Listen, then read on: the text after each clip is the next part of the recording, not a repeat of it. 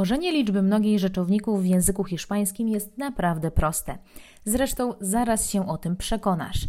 Ale nie byłabym sobą, gdybym nie podeszła do tego zagadnienia od razu w praktyce. Także zaraz nauczysz się tworzyć liczbę mnogą hiszpańskich rzeczowników, powtórzysz przy okazji odmianę czasownika tener oraz zastosujesz liczby od 1 do 20 w praktyce. Zapraszam na odcinek. Hiszpański od podstaw. Podcast dla osób uczących się hiszpańskiego. Cześć, tu Ola Wójcicka i bardzo mi miło, że spotykamy się wspólnie już po raz 20.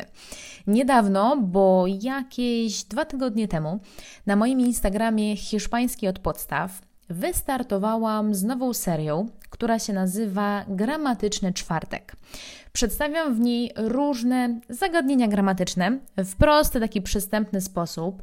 Wszystkie zagadnienia dostosowuję do moich odbiorców, czyli tak jak nazwa mojego Instagrama i tego podcastu sugeruje, są to zagadnienia dla osób, które zaczynają naukę hiszpańskiego od podstaw.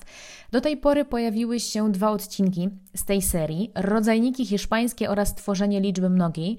Oba te odcinki, czyli taką serię stories, serię relacji, zapisałam w wyróżnionych na moim profilu. Więc jeśli chcesz nadrobić zaległości mm, i masz taką chęć, to możesz po prostu sobie tam zajrzeć i zobaczyć, e, jak te gramatyczne czwartki na Instagramie u mnie wyglądają. No i kiedy stworzyłam ostatni odcinek tej serii o liczbie mnogiej, to od razu wiedziałam, że będę go chciała rozwinąć w podcaście, ponieważ czuję, że to właśnie e, właśnie dzięki podcastowi mogę tworzyć jeszcze bardziej praktyczny materiał do ćwiczenia liczby mnogiej i ogólnie do ćwiczenia różnych zagadnień i słownictwa. Bo może już to wiesz, ja nie jestem zwolenniczką zadań takich, nazwijmy je, zadań teoretycznych, które często widzę w różnych książkach do gramatyki, w różnych materiałach, gdzie uczy się danego zagadnienia mm, z gramatyki na sucho. Czyli na przykład masz luki, wpisujesz różne słówka w te luki, łączysz sobie elementy i tak dalej.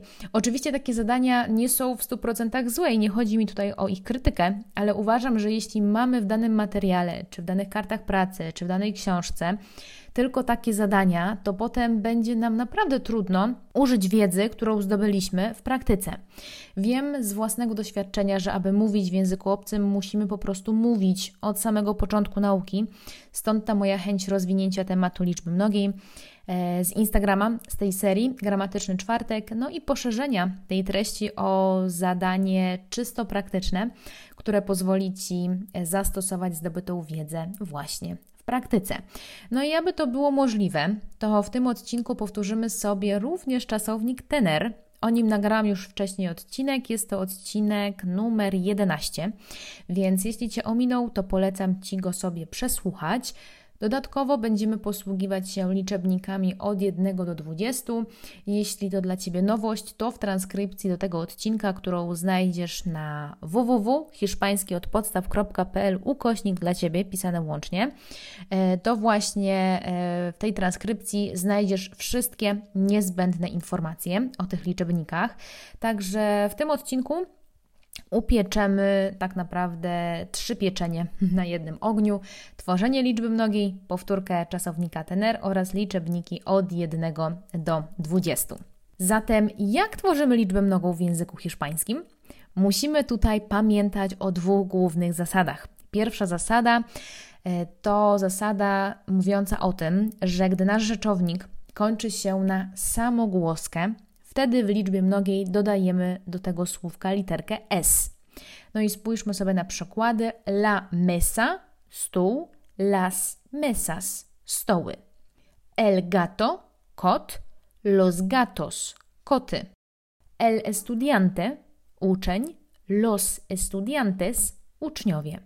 Jeśli chodzi o rodzajniki hiszpańskie, to rodzajnik męski el w liczbie mnogiej zmienia się w los, a rodzajnik żeński la w las, tak jak było la mesa, las mesas, albo el gato, los gatos. A teraz przejdźmy sobie do zasady numer dwa. Gdy nasz rzeczownik kończy się na spółgłoskę, wtedy w liczbie mnogiej nie dodajemy już samej literki s, ale końcówkę es. Tam są dwie literki es.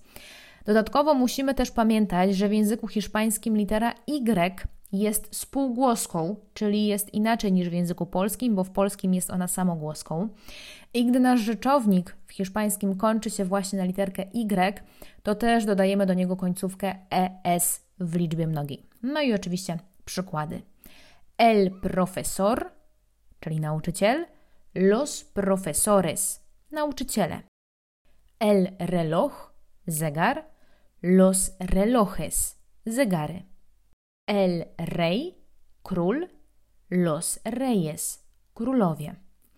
Mam jeszcze dla Ciebie jedną taką zasadę dodatkową, powiedzmy sobie, nazwijmy ją tak roboczo, która jest ważna nie tyle w mowie, co w piśmie. A chodzi o to, że gdy nasz rzeczownik kończy się na literkę Z, na przykład rzeczownik el lapith, czyli ołówek, to przy tworzeniu liczby mnogiej zmieniamy literkę Z, która znajduje się na końcu tego wyrazu, na literkę C i dopiero wtedy dodajemy końcówkę, jak w przypadku spółgłosek, czyli ES. Czyli z el lapith, czyli ołówek, mamy los lapices, ołówki. W mowie tego nie słychać, bo wymawiamy to tak samo, el lapith, los lapices, ale w pisowni Z, ta literka Z zmieniła nam się na literkę C. Zajrzyj do transkrypcji, bo tam e, tę zmianę na pewno znajdziesz. A teraz przejdźmy sobie do praktyki. Ja Ci mówię zdanie po polsku, w którym mamy czasownik tener, liczebnik oraz słówko w liczbie mnogiej. Daję Ci kilka sekund na przetłumaczenie go sobie na hiszpański, a następnie to ja mówię Ci hiszpański odpowiednik polskiego zdania, no i Ty sobie sprawdzasz, czy Twoja odpowiedź była poprawna. A jeśli boisz się, że nie będziesz znać słówek, które zaraz użyję, możesz zajrzeć teraz już do transkrypcji i zapoznać się z nimi, albo po prostu iść na żywioł. Decyzję pozostawiam Tobie. Oto nasze zdania. Mam dwa psy. Tengo dos perros. Oni mają sześć samochodów. Ellos tienen seis coches. Nie mamy dziesięciu kotów. No tenemos diez gatos. Macie czterech braci? ¿Tenéis cuatro hermanos? Monika ma trzy przyjaciółki. Monika tiene tres amigas.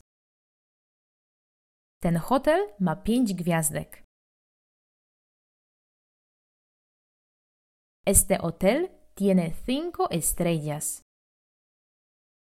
Mamy dwadzieścia lat. Tenemos veinte años. Ta książka ma piętnaście stron. Este libro tiene 15 páginas. Juan ma 12 ołówków.